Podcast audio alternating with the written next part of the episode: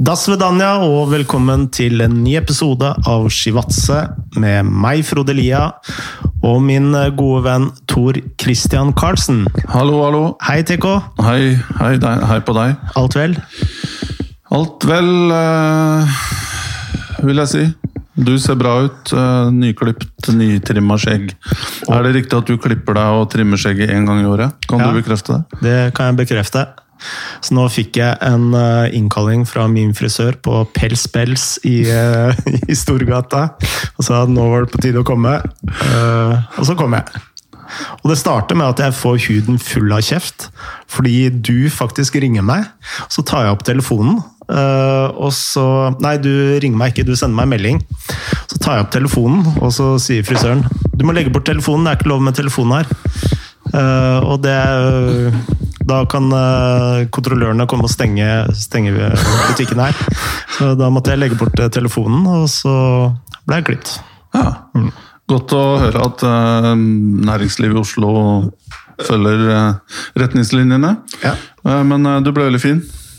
Og det, du har vel lagt ut noen bilder på Instagram og masse likes fra fjern og nær.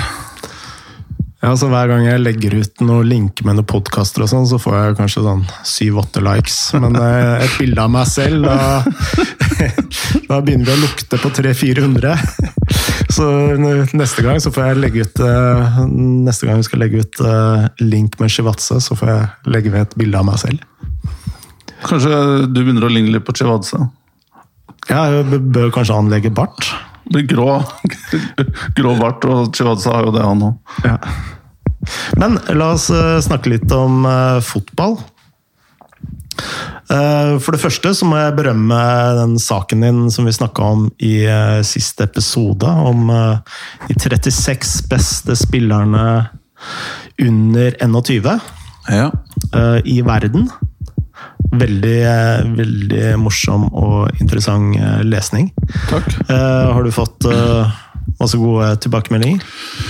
Fått, ma fått mange tilbakemeldinger, men aller fleste av dem er, er, er positive.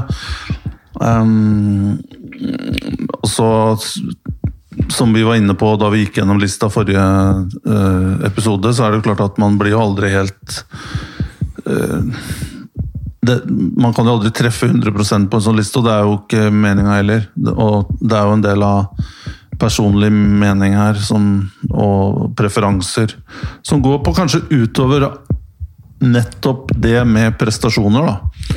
Jeg tenker på spillestil og sånne ting, som jeg liker. F.eks. Valverde hadde jeg høyt oppe, Virginius uh, junior. Som, fordi jeg liker typene, altså spillestilen og sånn. Så kanskje at det jeg fikk eh, mest eh, kritikk for, var vel Virginius eh, junior, og den så jeg jo Vinicius junior, og den så jeg jo komme At han var for høyt Ja. oppe? Ja.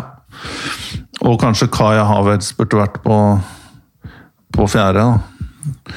Og kanskje Haaland noen knepp opp.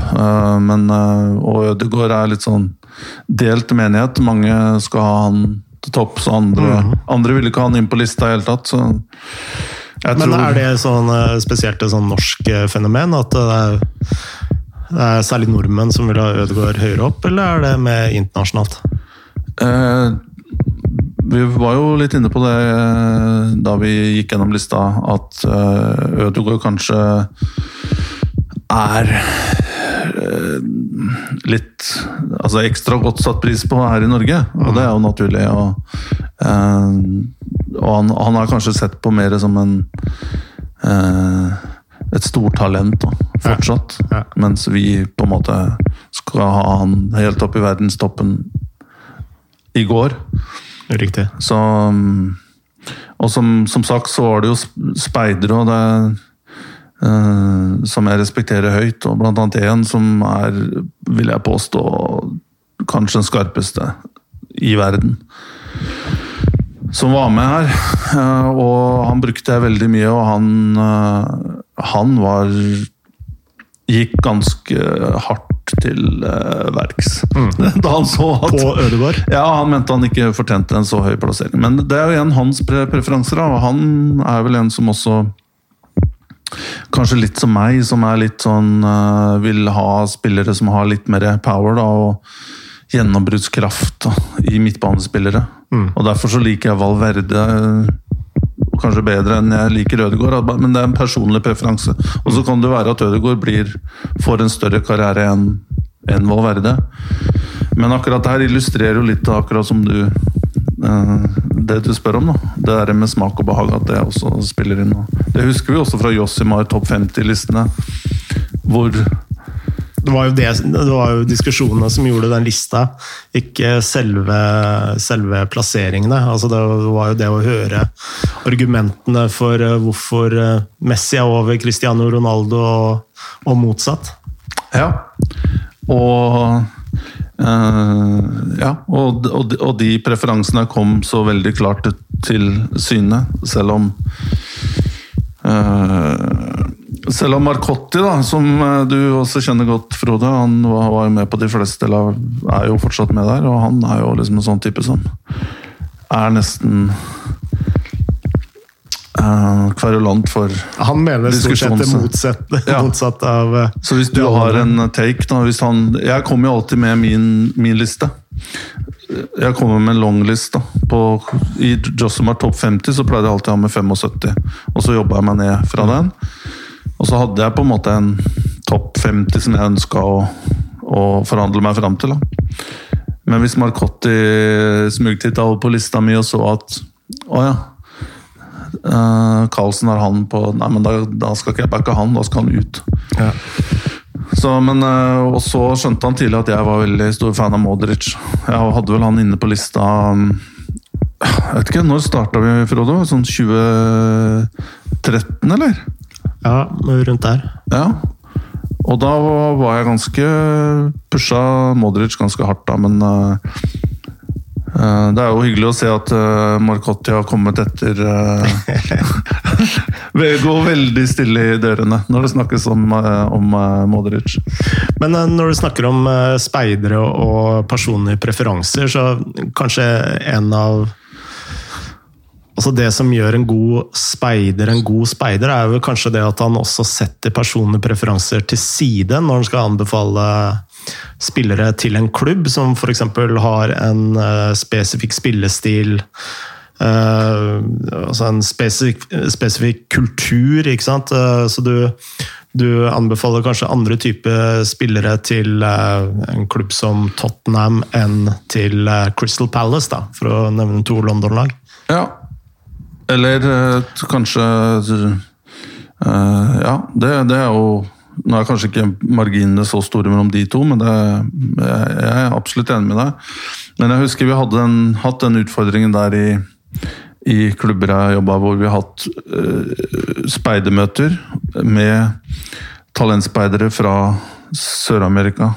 Eh, jeg har ofte hatt um, hatt søramerikanere i teamet. da.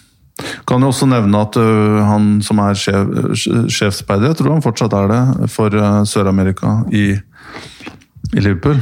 Fernando Trojani, han, han henta jo jeg til Bayer Leverkosen.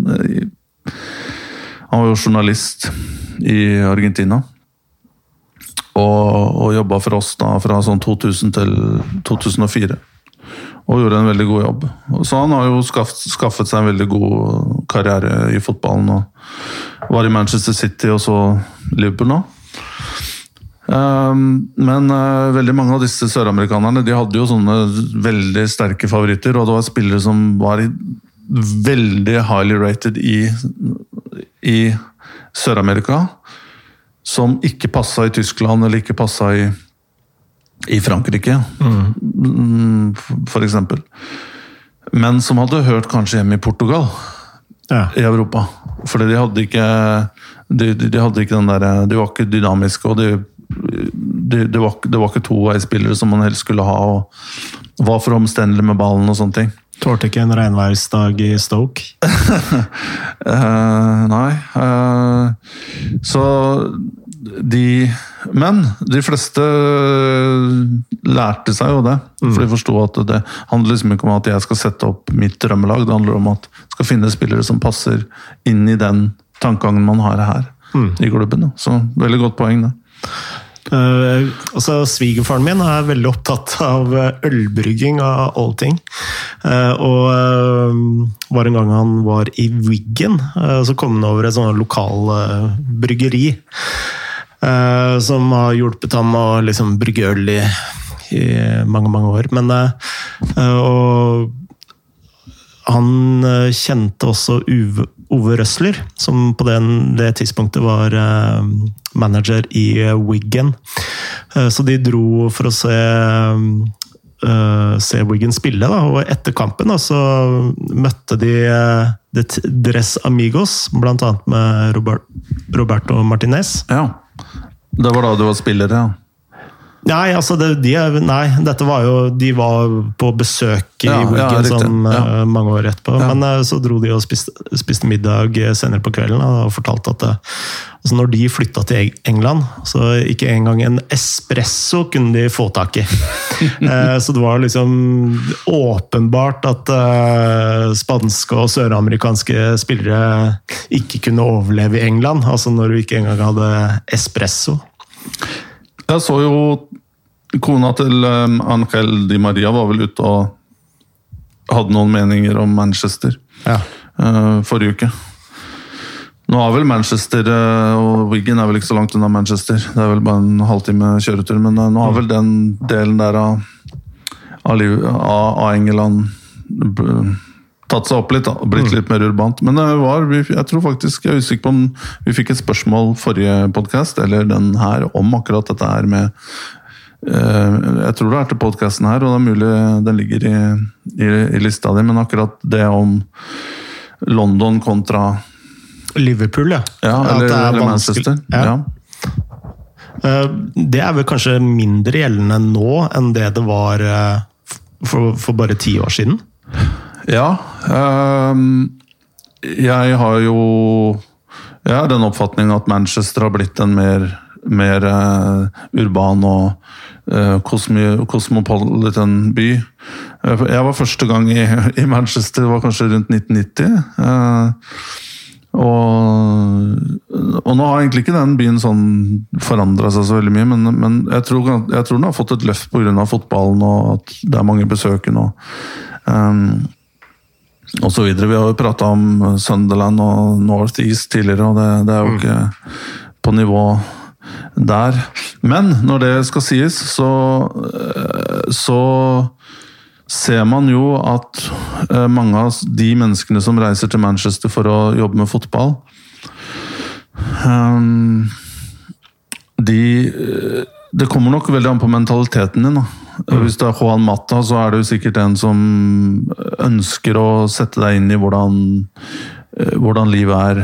Eh, hvordan tenker man i Manchester? Hvordan, hvordan kan jeg lære av, av, av, Han er jo en veldig oppegående, intelligent type. Men jeg, var, eh, jeg har vært på besøk hjemme hos hos en, en som jobba i i, i, i en Manchester-klubb. Veldig kjent eh, person. Eh, og han bodde da i eh, et sted like, like, ikke så langt unna flyplassen, Manchester Alderley Edge. Og det er en veldig fin, uh, liten sånn uh, pittoresk landsby. Med en high street med, med, med, med fine små but og mm. Uh, delikatesser og restauranter. Men i Olderled så er det jo en på en måte I utkanten der så er det én buevei. Uh, der nesten alle husene er Premier League-spillere. Spillere, eller, eller folk trenere. Mm. Og han her bodde jo uh, next door til uh, Aguero.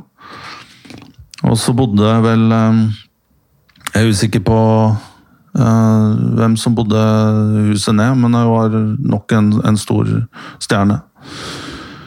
Og, og så videre nedover. Mm. Men disse bodde jo nesten som i på en måte compound. Du kunne like godt bodd i Riyadh eller uh, i La Legos. Mm. Og det var i hvert fall ikke måten man assimilerer eller på en måte tilpasser seg et nytt land. Da, ved å bo bak murer. Ja, ja. jeg skjønner jo godt at det er sikkert og trygt, og du kan ha en bikkje som går rundt der. og parkere tre-fire luksusbiler uten at du trenger å bekymre deg så mye om det, og kanskje familien har barna til å løpe rundt, men det, det, det er ikke en tilværelse som er oppmuntrer til å til Gli inn i samfunnet. Nei. Og, og, altså du, altså du, du viser jo til hele, hele verden at uh, dette er bare en transittstasjon. Ja, eh, ikke sant. Og, og eh, jeg tror noe av suksessen, eller veldig mye av suksessen til mennesker som lykkes i andre land, det handler jo om tilpasningsdyktighet. Og det er alfa og mega. Vi snakker om så mange andre ting, og skills og eh, liksom det tekniske, og vi snakker om stats og, og, og analyser. Men hvis en person ikke har mentalitet Ja, ja, til å ja. tilpasse seg, så er alt dette her bortkasta. Um, og det er også en del av den analysen man må forsøke å um, ut, ut, utarbeide til best mulig evne før man signerer en spiller. Hvor tilpasningsdyktig er den spilleren her?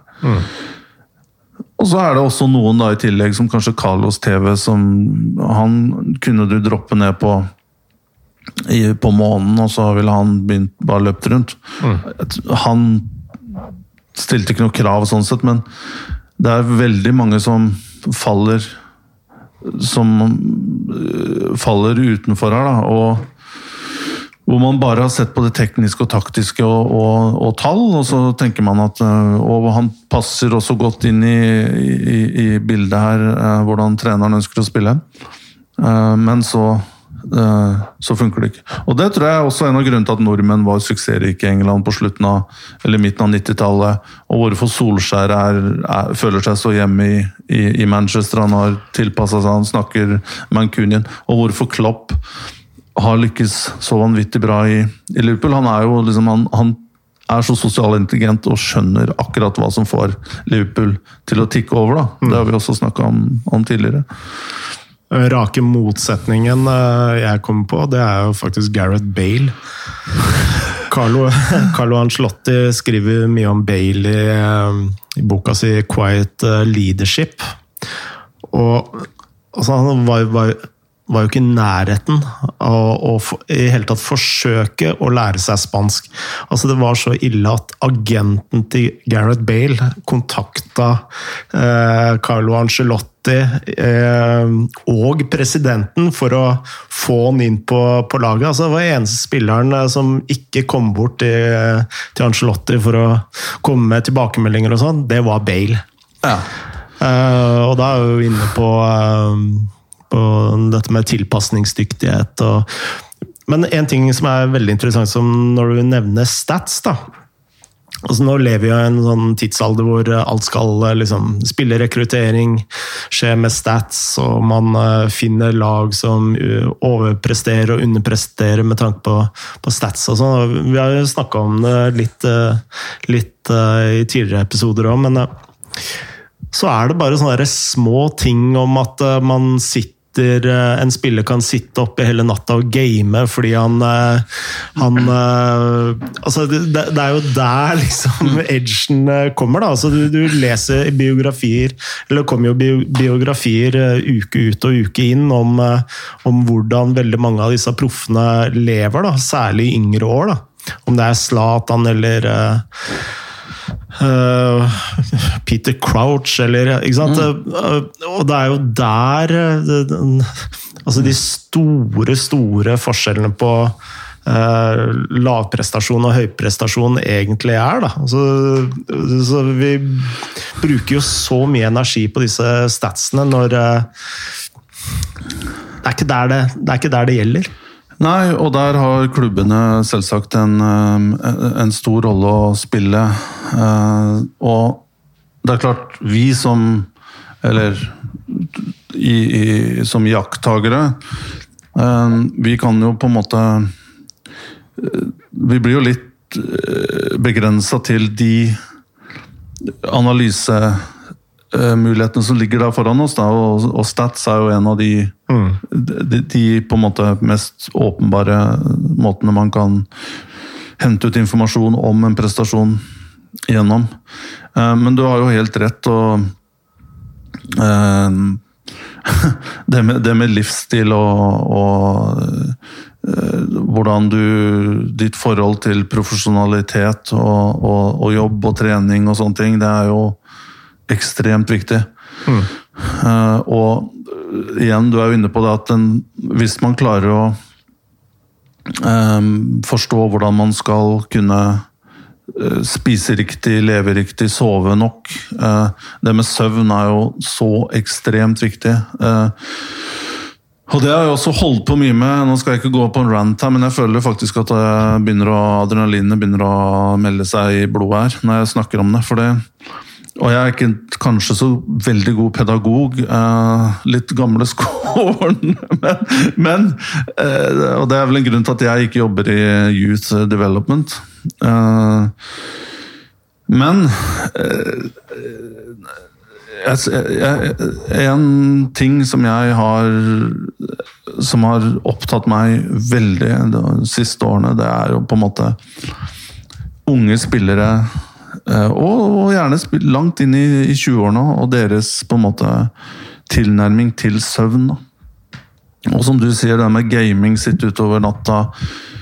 Det å forstå at man, ikke, at man må ta en pause fra skjerm, mobil. Mm. Og forstå at den trade-offen du da får gjennom bedre resultater, om det så er på skolen eller om det så er på jobb eller fotball, den trade-offen der er verdt å ta. For det improvementen der er, blir så enorm. Mm. Um, og jeg har sett Jeg skal ikke si hvor og når, men jeg, det er jo veldig veldig ofte. Og jeg tror mange som jobber i fotballen, trenere eller, eller uh, i administrasjon eller sportslig leder eller hva det er, vil dele de inntrykkene her med meg og være enig, men liksom Du kan jo se eh, liksom, spillere som kommer og bare gnir søvn ut av øynene. Bustete hår. Det har kommet rett fra senga. Mm. Og så tenker du Hva er det du holder på med? Du har dette fantastiske talentet. Andres gutter med de riktige holdningene hadde gitt en lillefingeren, eller kanskje hele hånda, for det talentet du har. Ja. Og så skjønner du ikke at du ikke får det mest fundamentale på plass. Søvn, eh, holde deg unna mobilskjerm og mat. Livsstil. Mm.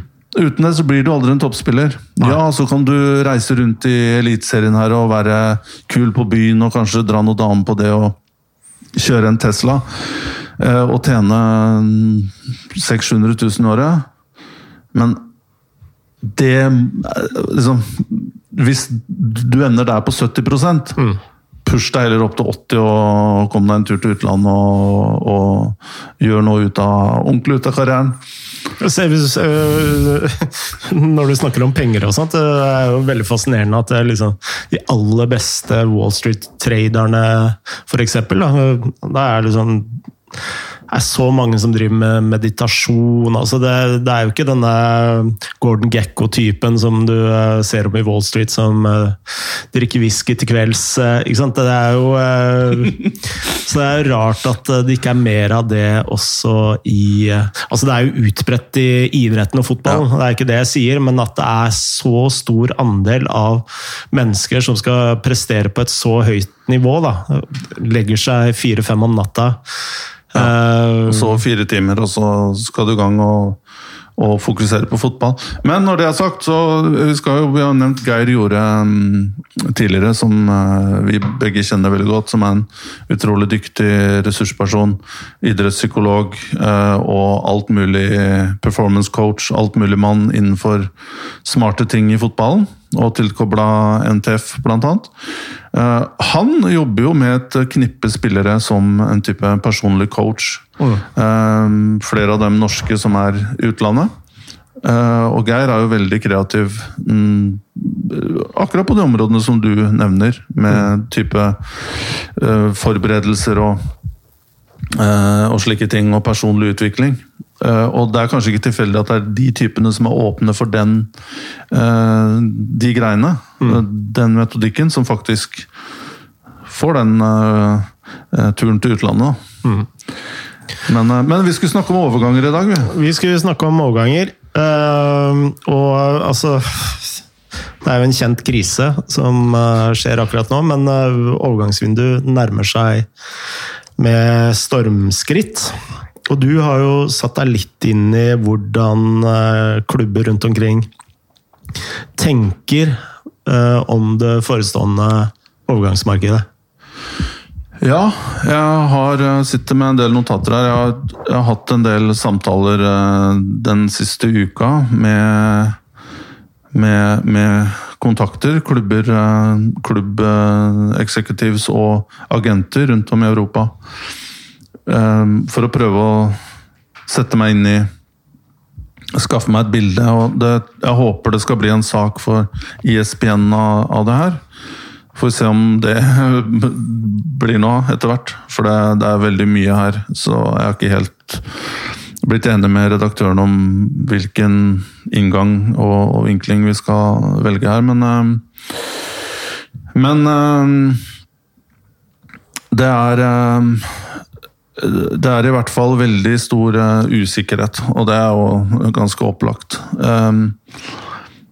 Det siste jeg har hørt har hørt um, og fått fra de fleste tilbakemelding på, det er at mest sannsynlig i år så blir det et overgangsvindu fra 1.9. og ut året. Ja. Internasjonalt, altså ikke i Norge, uh, men for de ligaene som skal starte opp til høsten. da. Ja. Det er planen per i dag, kanskje fra 1.8, men at spillere um, dette er jo ekstremt komplisert, for det ligaene her vil jo uh, altså uh, komme på plass på ulike tidspunkt. Mm. Tyskland vil sannsynligvis klare å spille ferdig i løpet av juli. England snakker om en oppstart på 12. eller 19. juni, tror jeg. Og da vil de kanskje måtte gå inn i august for å bli ferdig. Mm. Og hvis da overgangsvinduet åpner 1.8, så vil det sannsynligvis bli sånn at de spillerne som de da handler i august, kun blir registrerte for spill da fra 1.9. Eh, og så blir jo dette her enda mer komplisert med eh, europacuper, da. Ja. Som man ikke har helt forstått hvordan man skal uh, avslutte. Nå er det vel jeg mener det var France Football eller Kippe som skrev en sak om at uh, Var det ikke Olas i Lyon som lekka at det ligger en plan om at de skal spille en slags turnering i august? Uh, og få unna årets uh, da. ja. Uefa er i hvert fall veldig klare på at uh, de skal spille ferdig Champions League og Europaliga. Ja. Men i hvilken form har det vært uh, litt sånn ulike alternativer uh, lekka? Ja. Men det siste skal være den der miniturneringa som, som, som, jeg har hørt her. Uh, det um, det som kompliserer, som jeg tror er det tøffeste uh, utfordringen her per i dag, det er TV-avtalene. Um, og veldig mange klubber sitter uh, og, og skjelver over over, over TV-pengene, ja. Og uh, konsekvensene av um, Man ser i, i Frankrike f.eks. at uh, der skal en ny TV-avtale kicke inn nå fra neste sesong. Uh, og det er en provider som er ny som Serie A takka nei til. For de kunne ikke stille garantier. Bank, altså garantier for at de faktisk kunne levere dette produktet og levere de pengene som de lovte. Så her har Frankrike tatt en ganske usikker aktør. I andre land så er det så er det uh, usikkerhet om uh, TV-selskapene som som har eksisterende rettigheter, vil uh, forhandle på nåværende avtaler. Mm. Fordi man mest sannsynlig vil få et produkt som er langt nær så attraktivt som det man ble som man Solgt inn, ja. altså man, man, man, ser jo ja, den helgen her var det moro med Haaland og revir-derby og sånne ting, men jeg tipper om tre-fire uker at de seertallene på Bundesliga kommer nok kanskje ikke på BVB og um, Dortmund, men um, interessen kommer til å falle. For den opplevelsen vi får gjennom en kamp uten tilskuere, er, spør du meg, 30 av den du får med, med, publikum. Og intensiteten i spillet tror jeg også vil, vil falle. og nå var det litt sånn der honeymoon period, fordi var, det var vårslepp og de var tilbake og, og kunne vise seg fram, men det, men det her kommer nok til å dabbe litt av. Så det er TV-pengene um, som er den store eh, X-faktoren her, som alle nevner, da. Men eh, så I tillegg så har du også TV-kanalene, som kanskje ikke vil eh, betale like mye som eh, som de har gjort frem til nå. Altså, da tenker jeg på de sekundære TV-kanalene, sånn som si TV2, som kjøper da rettighetene uh, fra England igjen. Ja. Men, men, konklusjonen her er at uh, selv om man setter i gang igjen, så vil uh, mest sannsynlig den totale TV-pakka ikke være like, stor, like stor som tidligere har vært. Det er eh, det man frykter. Ja. Og, at snakke, at, det, at, produktet vil, eh, over en periode nå, eh, bli rammet ganske sterkt av, eh, av, av, den krisen her, og det faktum at man spiller for tomme tribuner. Ja, jeg ble faktisk litt skremt av de uttalelsene jeg så fra eh, en eller annen, jeg husker ikke helt hvem det var, men høyt oppe i folkehelsen i Storbritannia, som sa at vi må regne med at social distancing measures mm. vil forbli neste seks-tolv månedene. Mm. Og da er det vanskelig å forestille seg at, de, at man skal kunne spille fotball med publikum. Nei, og for å illustrere hvor dramatisk akkurat det er, da. Altså en såpass veldrevent uh, liga som, uh, som Bundesliga, f.eks., så er jo klubber som Schalke 04 sagt at uh, hvis, hvis, vi ikke kommer i gang også med publikum, så står vi faktisk i fare for å gå konkurs. Altså De sa vel først at uh, TV-pengene måtte komme, men uh, senere uttalelser har også sagt at vi må liksom i ordentlig gang for at dette ikke får dramatiske konsekvenser for både Schalke 04 og andre tyske klubber. Og da kan du jo tenke deg åssen det er i Serie A, La Liga og championship-liga. Altså alle disse ligaene som er med å holde, holde den økonomiske fotballkarusellen i gang. da. Som igjen får, eh, kommer til å få ringvirkninger eh, selv her i Norge. Ja. Som, som også har sine egen, egne problemer. Ja, og det leder oss til, um, til en, uh, en, ganske opplagt effekt. Og det vil være um, Og dette er allerede noe som, som mange har uh, Faktisk en effekt som har, som har begynt å Som starta litt Egentlig meldt seg de siste årene. Um, fordi fotballen var jo ikke frisk før viruset, pandemien, kom. Nei. Uh, og disse mm, shortcomings blir jo eksponert så til de grader når man får en pandemi som treffer deg på ikke bare én av disse fem inntektspilarene, men alle. alle. Samtidig, på en gang. Um, og det er at uh, klubber sannsynligvis, eller helt garantert, vil um, uh, Og det tror jeg gjelder rundt om i Europa, vil uh, plan eh, Altså spillelogistikk, som det så fint heter i Norge. De vil, eh, stallene, troppene, vil bli organisert på en annen måte. Så jeg tror det vil bli færre i troppen.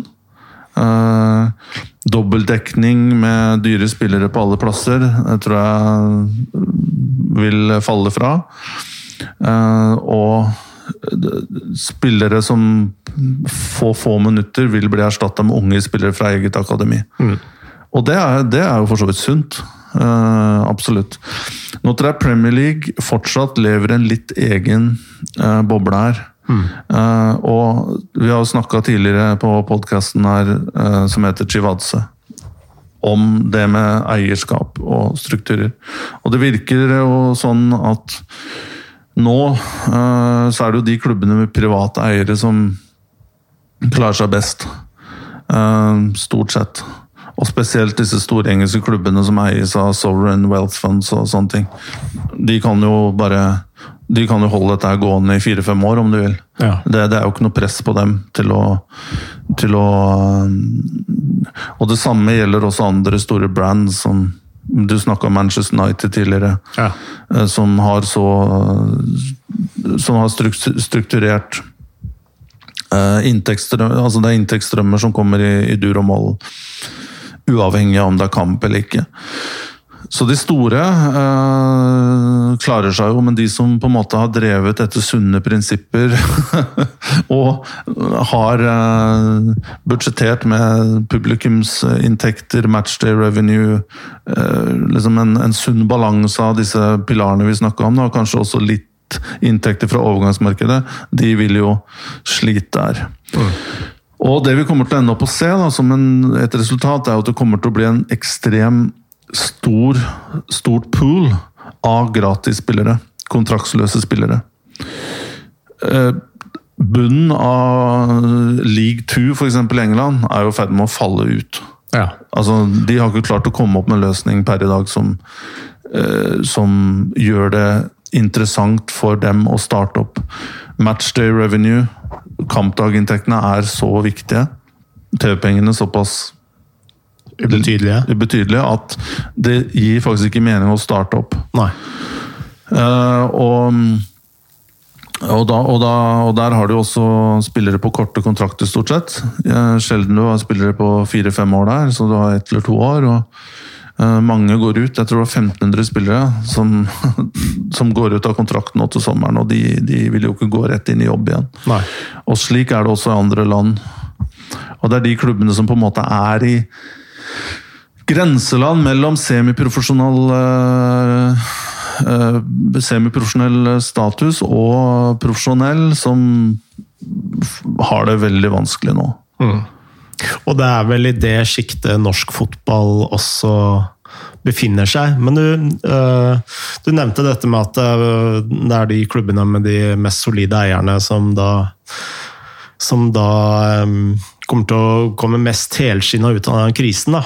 Men både i England og i Frankrike, og spesielt i Norge, så har vi jo masse eiere inne i klubber som det går skikkelig, skikkelig dårlig for. Altså du, øh, I din gamle klubb, øh, Start, så hadde du jo eiere som øh, hadde et selskap som het Gig, som har gått veldig dårlig. I Vålerenga så har du Trøym, som uh, ifølge Nettavisen nærmest er konkurs. Øh, hvordan syns du dette ser ut for norsk fotball? Uh, Det ser jo ikke bra ut i det hele tatt. Og det så jo ikke bra ut før krisen heller. Så det er jo ingen som kan komme og si på en måte at Det er krisen som gjorde det. Nei, det er krisen som på en måte var uh, siste halmstrå som knakk ryggen til kamelen. Men uh, man har jo vært i både oransje og rød sone, de fleste lag, mm. klubber, i mange år. Um, så, men, men hvis du går tilbake til Premier League, så tror jeg jo at de eierne som, som er der, de, de har så mange options når det gjelder refinansiering. De har det å, liksom, å kunne finansiere og kunne dekke over et dårlig år eller to, det er ikke noe problem. Og verdien på de eh, både eiendommen de sitter på, brandene de sitter på, er så enorme og, og fortsetter bare å vokse, også gjennom krisen, vil jeg tro. Altså, så de sitter jo veldig trygt. Og før vi går inn på Norge, så vil jeg egentlig bare For det, jeg tror det er mange som lurer på det. og jeg tror vel den um, Mye av de tilbakemeldingene jeg har fått, da, det er at man forventer seg ganske stille marked nå internasjonalt i høst. Uh, og det snakkes litt om låneavtaler og, og noen sånne små tweaks mellom klubbene for å på en måte finne synergier, kanskje. Ok, har du en venstreback, vi trenger en midtbanespiller, og så blir vi begge oppgraderte. mange ser etter sånne løsninger. Eh, og mange av de samtalene som pågår nå mellom klubber og agenter, og det er liksom å preliminært finne kanskje noen sånne konstruksjoner rundt omkring. Spesielt sørover i Europa. I Italia og, og Spania. Um, men de eh, eh, Men bortsett fra det, så forutser man at det kan bli ganske rolig. Eh, samtidig så er det nok eh, også sånn at de veldig store fort kan benytte sjansen til å eh, til å uh, skaffe seg et ekstra stort fortrinn her. Vi har fått to spørsmål om mm. akkurat det der. Vi har fått et fra Rikard Olsen, som lurer på Tror dere den mulige Sancho-overgangen er enda mindre sannsynlig at skjer denne sommeren? Det er ett spørsmål. Og så har vi fått et fra Eivind Torstensen, som spør om er vel ingen tvil om at cash is king her. De store klubbene med god økonomi kan støvsuge markedet for de spillerne de vil ha nå. Ja. Og det, det, De er vel inne på noe av det du eh, også sier, at si en klubb som Manchester United, da, som har Altså Man kan si eh, veldig mye om Ed Woodward, uh, om uh, overgangs... Eller i hvert fall hvordan han har håndtert overgangsmarkedet. Men det han har fått til, det er jo å få inn bøttevis med cash inn i Manchester United. Om de selger kaffebønner i Kina eller hva hva nå enn de gjør, så kommer pengene inn i Manchester United. Og de har jo uttrykt at de er superklare for å kjøpe spillere allerede denne sommeren.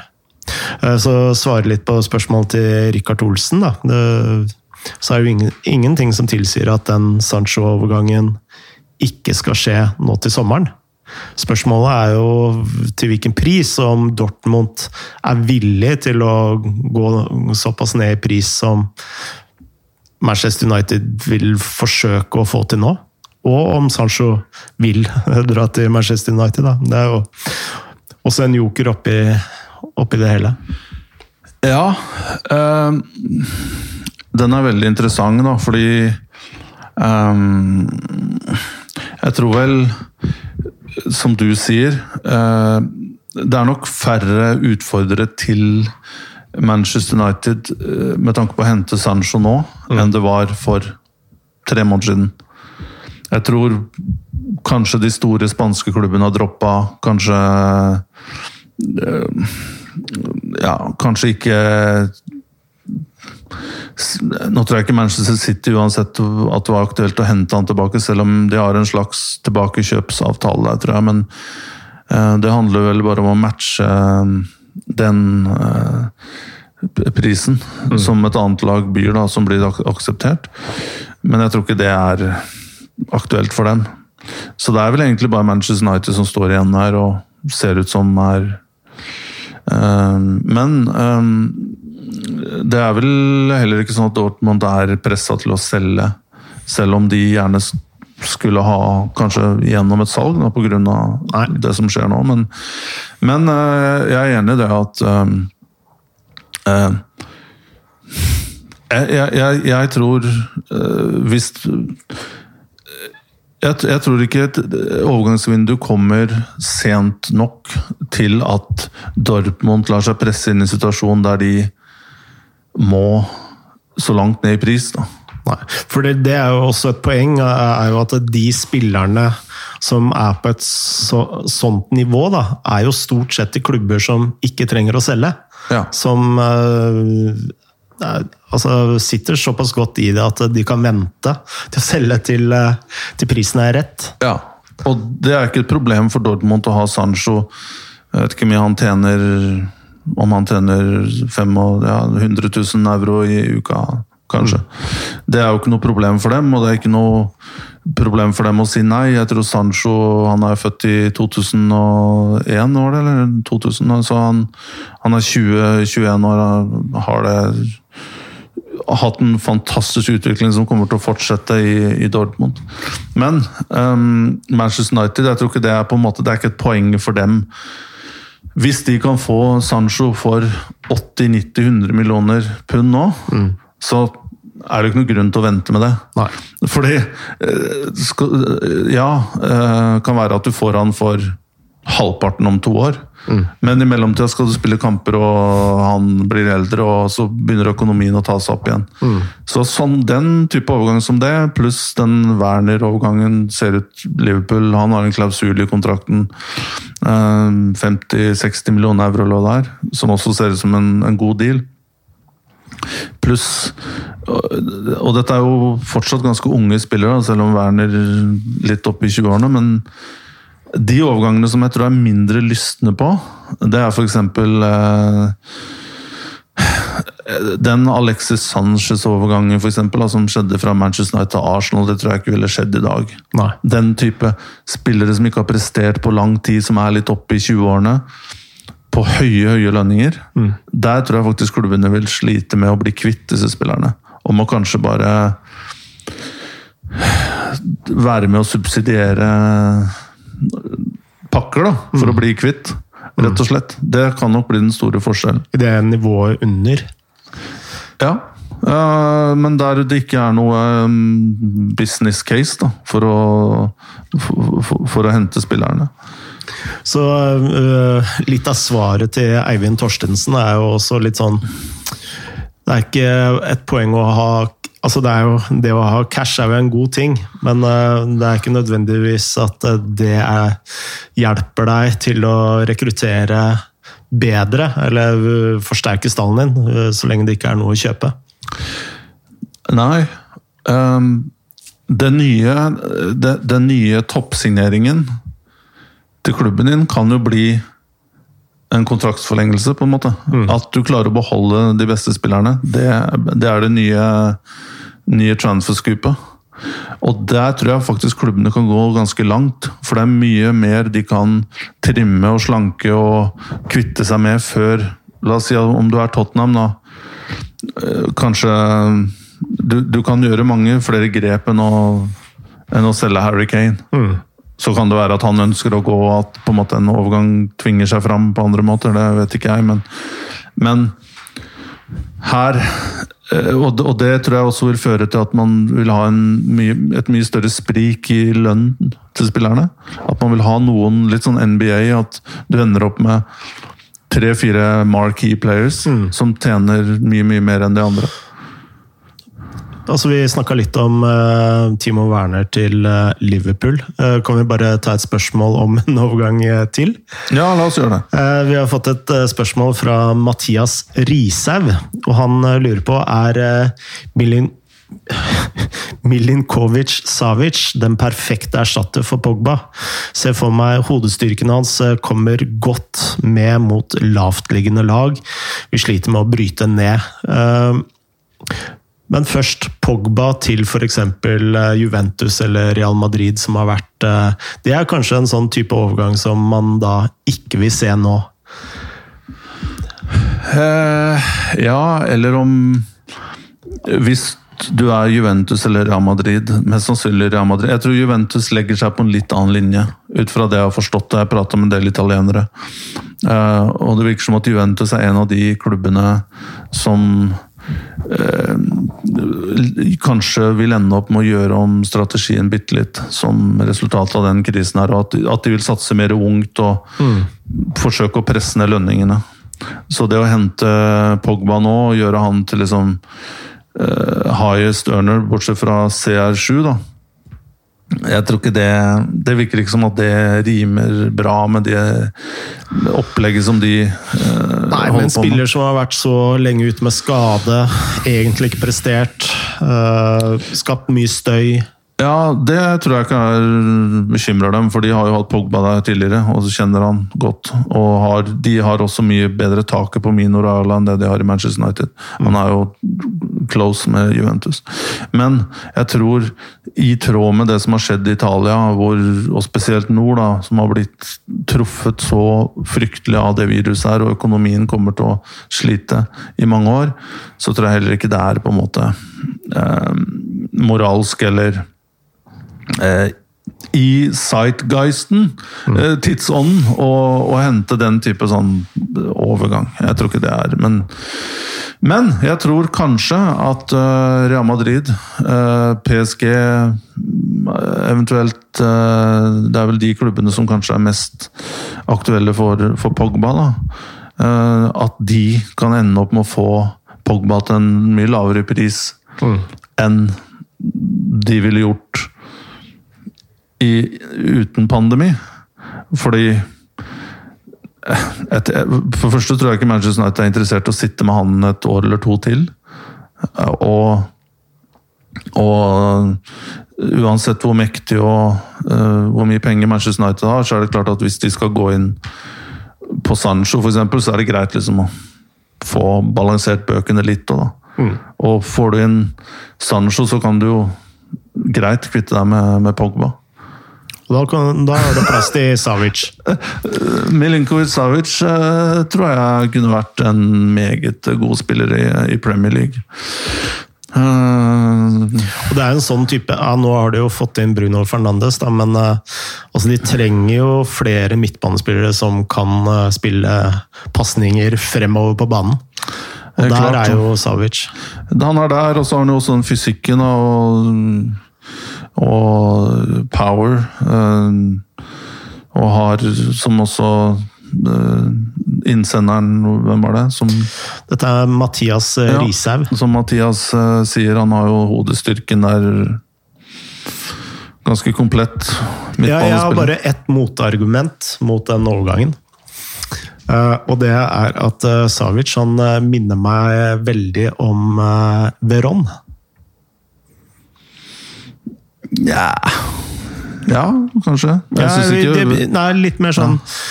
Uh, en sånn type spiller som liksom ser etter de lange pasningene fremover på banen. Uh, er litt sånn quarterback. Uh. Ja, jeg, jeg, ser kanskje Milinkovic Savic som bitte litt mer sånn indreløper. Ja. At han er flinkere til å komme seg inn i og, og Veron skal liksom ha han, som du sier, da, litt mer playmaker jeg, jeg ser ikke helt det Milinkovic. Jeg syns han er mer allrounder. allround. Mobil. Ja, selv om han er større og uh, Men men herregud, han hadde gjort ja. det kjempebra i Manchester igjen, United. Da, vi var tilbake til det som vi starta med, så virker det jo ikke som at det var fotballegenskapen til Veron som gjorde at han ikke slo til i, i England. Der igjen handla det om mentalitet. Ja. og tilpasningsdyktighet. Og, mm. Serbere er jo, hvis det er noe de er flinke til, så er det jo akkurat den biten her. De er jo flinke til å Ja, Det er jo en, en ting du har snakka veldig mye om. Eh, at eh, alle klubber bør ha en serber i, i troppen. Eh, serber eller to er, er, greit. Og i Norge så bør du ha en Kosovo-albaner eller to. Ja. En uh, Flamio Kastrati? Ja, eller Herolin Shala eller Fiti Masemi eller uh, må ha noen som drar opp temperaturen litt i garderoben. Ja, jeg går for Kastrati ti ganger i uka. I hvert fall sju. Eh, la oss eh, snakke litt om eh, norsk fotball, for der har skjedd en del ting. og da særlig i din gamle klubb. Der har de fått inn en rev til å passe på hønsegården. Ok. Ja. Den var jeg veldig fornøyd med. Det var ikke noe jeg har notert engang. Den uh, kom jeg med nå. Altså, jeg, dette har vi jo ikke snakka om uh, før, Tor Christian, men uh, Og jeg veit ikke hvor mye du kan snakke om Start heller, men for meg da, så virker jo dette noe av det dummeste jeg har lest og hørt om i norsk fotball på lang, lang tid. At du får inn en agent som har spillere i troppen til å rett og slett styre butikken din? Ja. Er det noe jeg uh, ikke, ikke, ser her? Vi kan jo bare komme litt bakgrunn, da. Uh, Stig Lillejord, som er Bergen, bergenser. Uh, rutinert agent i norsk sammenheng. Har vel vært i fotballen i snart 20 år, om ikke mer. Han er da, eh, slik jeg forstår, hyret av Start til å bistå i kjøp og salg av spillere, mm. forhandlinger og kontraktsforlengelser av eksisterende. Korrekt? litt din eh, gamle jobb eh, i Start? Ja, dette her er jo absolutt noe som eh, går inn under rollebeskrivelsen til en sportslig leder. Absolutt. Men uh, kan jo også legge til at han da er også agent for eh, i hvert fall fem spillere i troppen. Jeg tror det er fire som har blitt nevnt. Ok, ja. Ja. Um, dette er uh, Jeg kjenner alle stakeholderne her. Jeg kjenner jo Stig uh, godt. Eh, som agent så har jeg et veldig Eller jeg kjenner Stig som agent, og han er en dyktig mann. Han er eh, rutinert. Han er eh, offensiv eh, og kjenner Har mange kontakter både i Norge og, og utlandet. Jeg kjenner jo også eh, styreleder i Start, eh, Robin Reed, som jeg ser har forsvart den konstellasjonen her. Og jeg kjenner jo også sportslig utgangspunktet sportslig leder i, i Start, Atle Roar Haaland, som er en dyktig dyktig mann. Så det er klart jeg er litt sånn kanskje inhabil her, men du kan jo gjerne utdype litt eh, ditt synspunkt her. Nei, at eh, Stig Lillejord er en flink agent og sånn, det betviler jeg ikke i det hele tatt.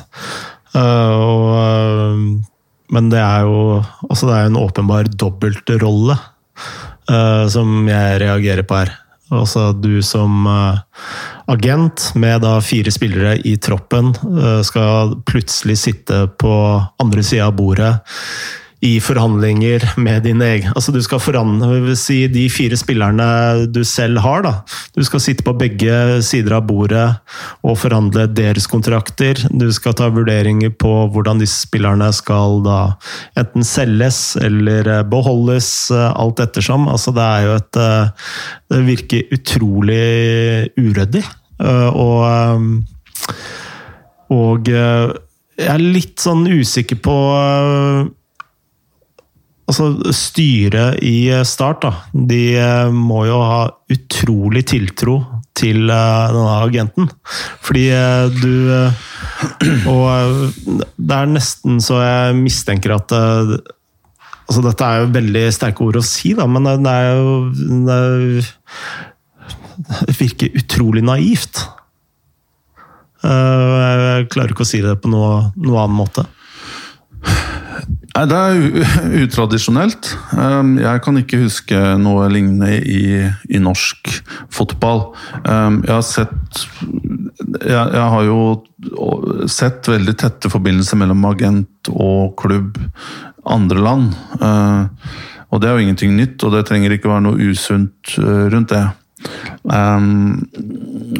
Så Men jeg, jeg har aldri vært i en situasjon hvor Eh, hvis du skal kjøpe eller selge en spiller, så, så er liksom siste instans du snakker med, er en agent på vegne av Uh, motparten.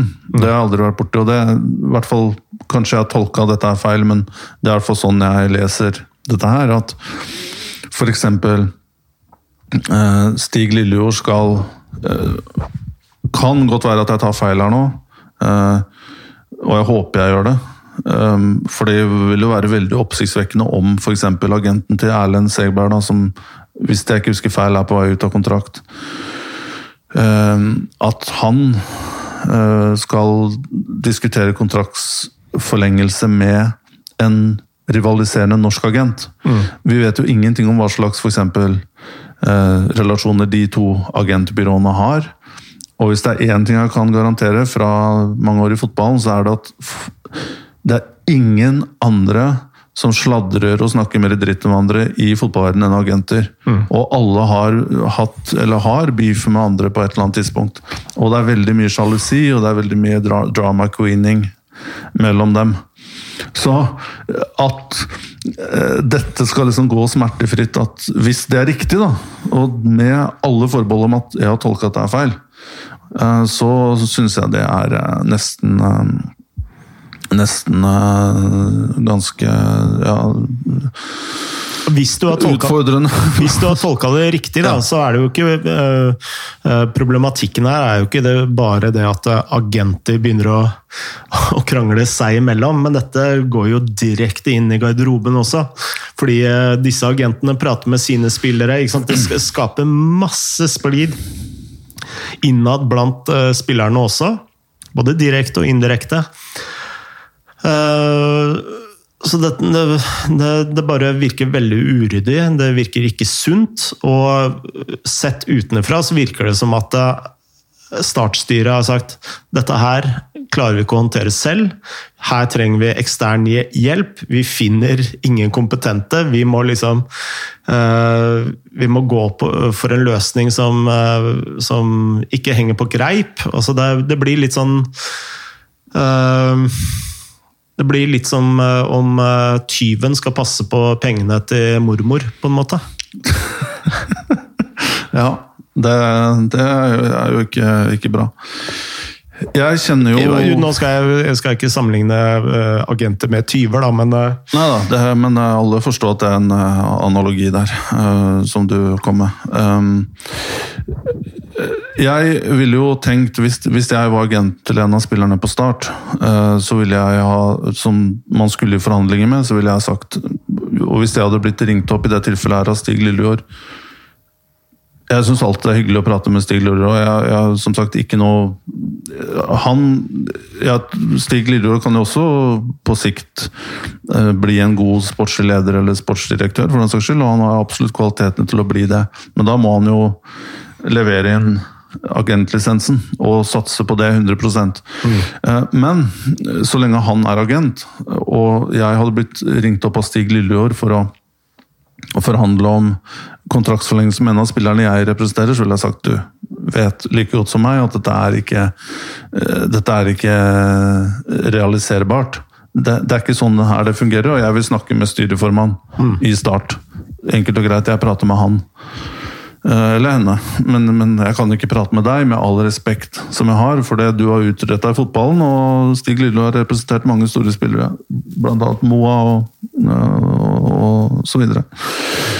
Så um, jeg syns dette er en meget spesiell um, konstellasjon. Og én ting jeg ikke forstår her, uh, det er jo at man har på en måte gone public med det her. da. Fordi man kan jo f.eks. Eh, dere har jo skrevet mye om eh, forholdet klubbagenter i, i, i Åsimar.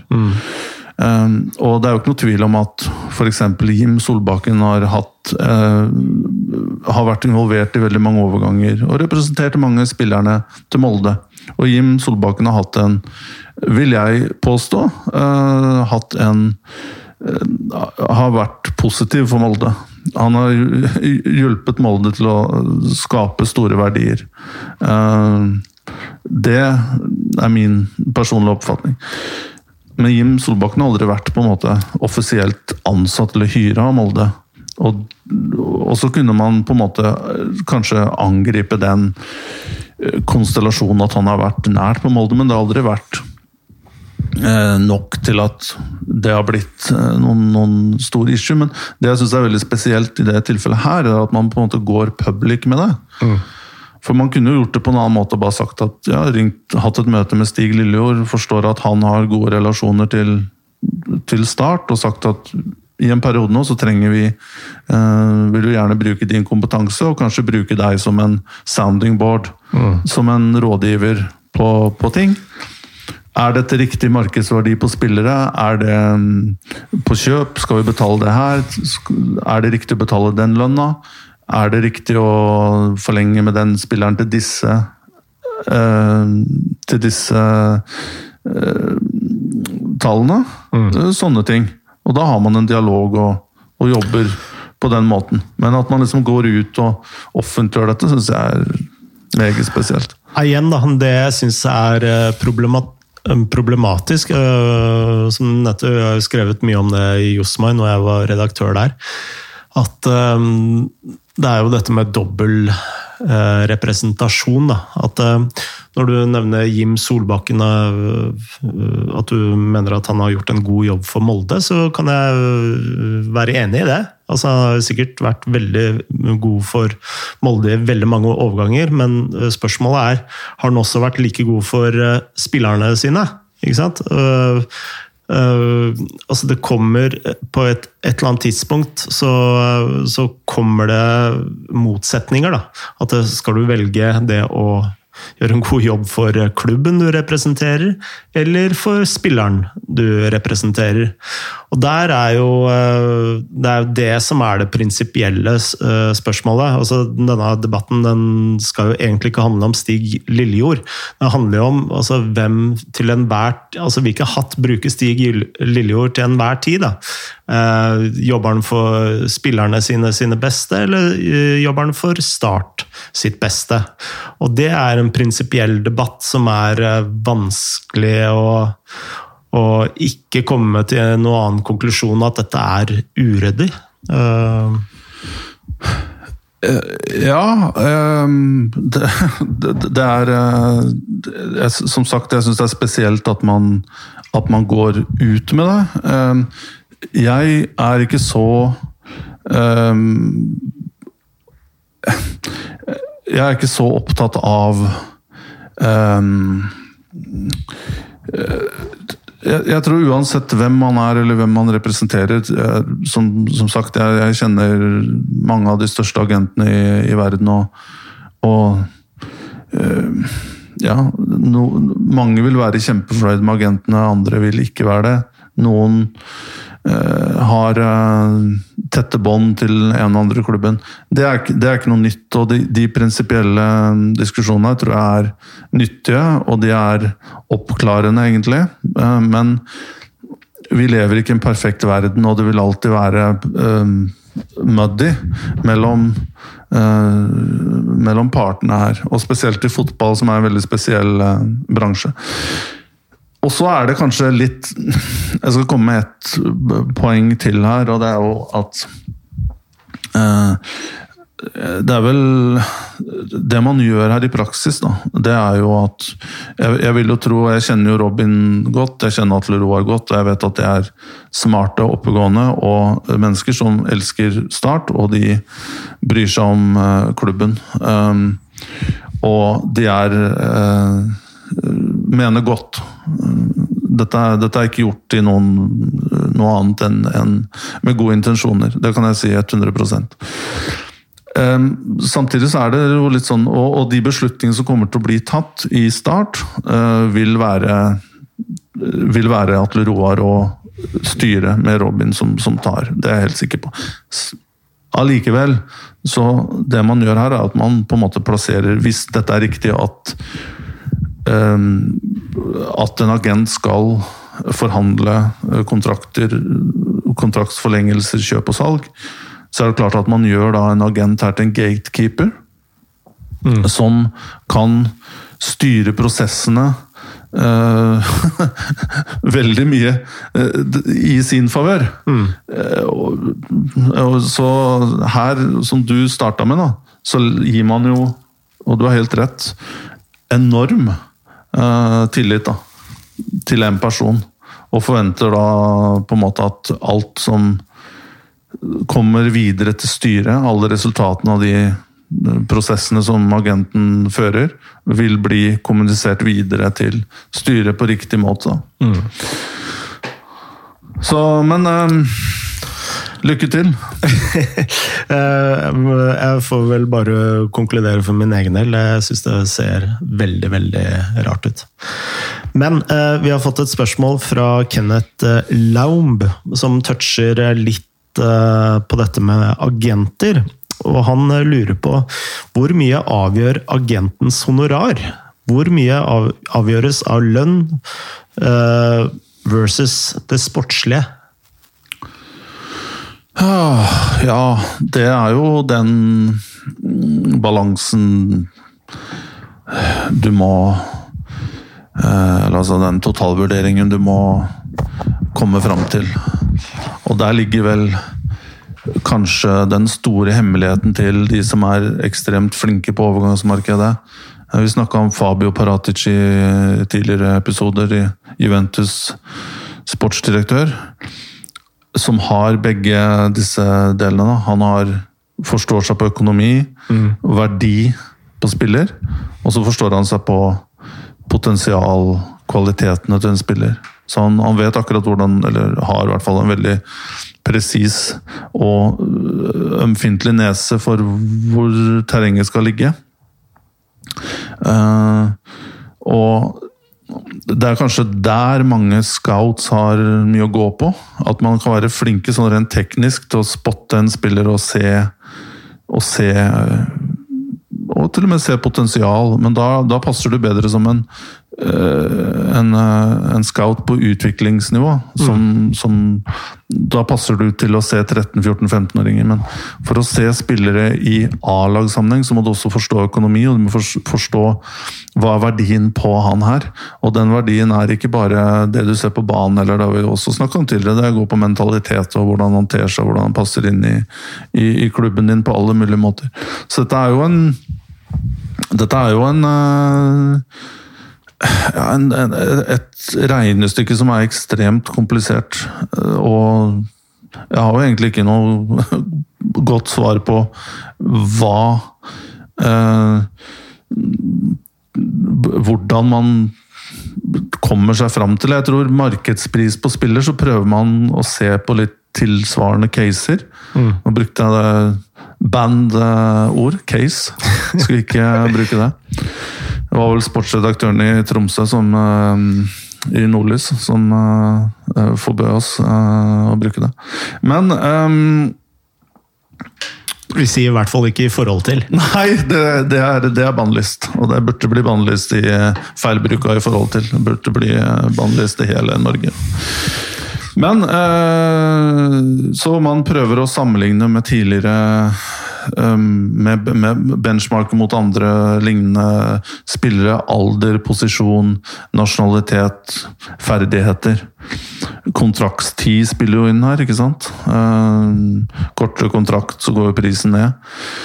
Da går gjerne lønna opp, og agenthonoraret går går også opp. Men sånn tom, eh, det som har vært tilfellet, og er en slags eh, veiledende eh, pris da, på agenttjenester, det er jo 10 mm. av lønn. Eh, og så klarer du stort sett å presse den litt ned, mot 5 Så det ender opp sånn sted mellom 5 og 10% Men igjen, da, det varierer jo av dette, hvis, spiller, hvis, agenten forstår at du er veldig veldig keen på spilleren og får en god deal, mm. det skjønner jo agenten. Og hvis agenten også har gjort en jobb med å bryte hva man, man kaller det, døråpner, altså brekkstang, mm.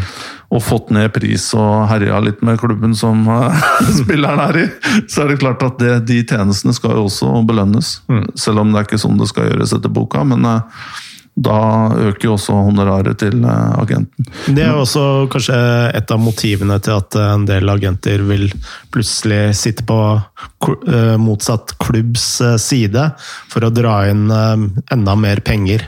Fordi som du sier, så er jo er liksom 10% er slags utgangspunkt, men hvis du bytter da side til kjøpende klubb f.eks., da kan du gire opp eh, den summen. Ja, ja, absolutt. Og nå er det jo ikke lenger noen regelverk for hvor, hvor, mye du kan charge. I noen europeiske land er det det. Jeg tror I Frankrike så er det 7 hvor, hvor agenter får ikke lov å ta mer enn det. Men så er det jo andre måter å, å, å betale folk på hvis du ønsker det. Det har man jo sett i både i Norge og andre land, at det kan gjøres. Men uh, men øh, det jeg misliker, da, det er jo agenter som på en måte ikke har gjort noen ting i en deal. Um, verken åpna en deal, gjort, hjulpet deg i noe særlig grad. Eh, men når eh, avtalen er i ferd med å gå i orden, så kommer liksom og banker på. Jeg skal kommer ha, inn fra sidelinja, ja. Og jeg skal ha mine prosent. Og det er jo sånn det er. og hvordan, Ja, du vil ikke betale det. og Hvordan relasjon ønsker du å beholde til meg? og så får du liksom sånn barnslig blackmailing-opplegg. Mm. Og det er en kjedelig greie med agentverden. Um, at nå er det så mange aktører som egentlig ikke bryr seg om de gjør én deal, eller om de gjør 100. Sånn at de er fullt klare til å brenne alt de har av broer og rykte og reputation gjennom å lage et alvorlig kaos i en overgang for å få 50 000 eller whatever.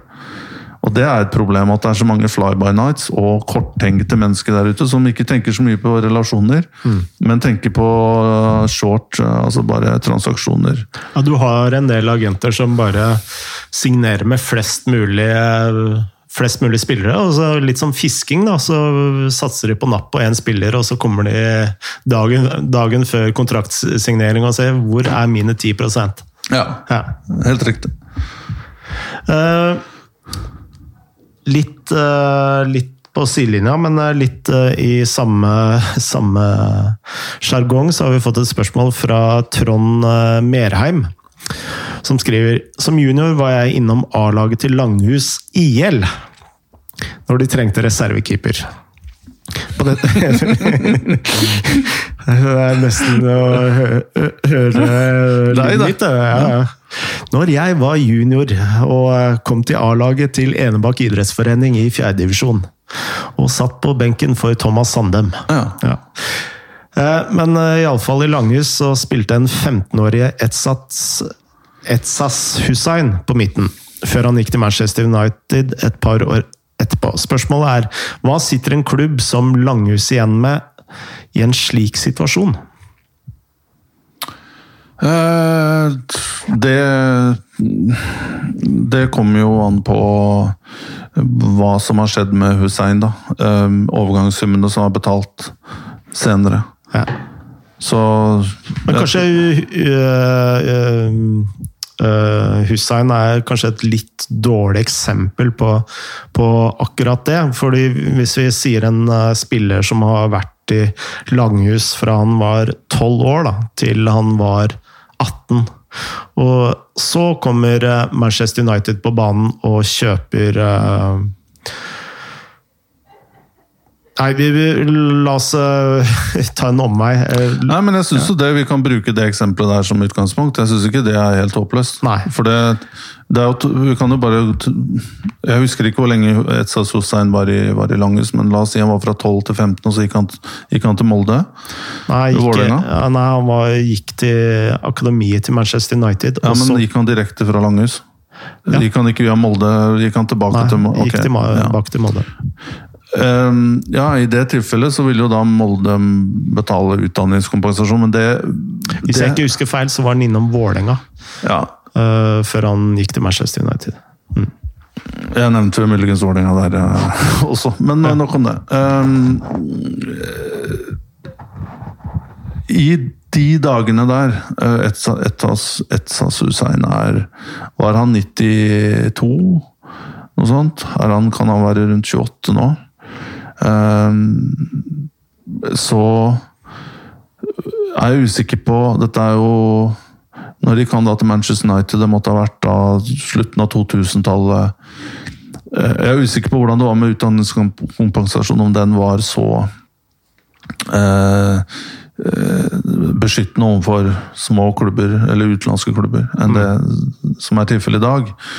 Hadde det vært i dag, så ville jo Langhus fått en ganske fin sum. Mm. Fordi eh, de, landene er jo delt opp i kategorier.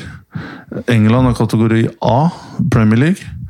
Eh, og så har du mindre ligaer, kategori B, f.eks. Belgia og Sveits og sånn. Og så Mm. har du Norge er vel C, tror jeg. Og det er vel de landene som er A, Spania, Frankrike, Spania, Frankrike England, Tyskland, Italia, tror jeg.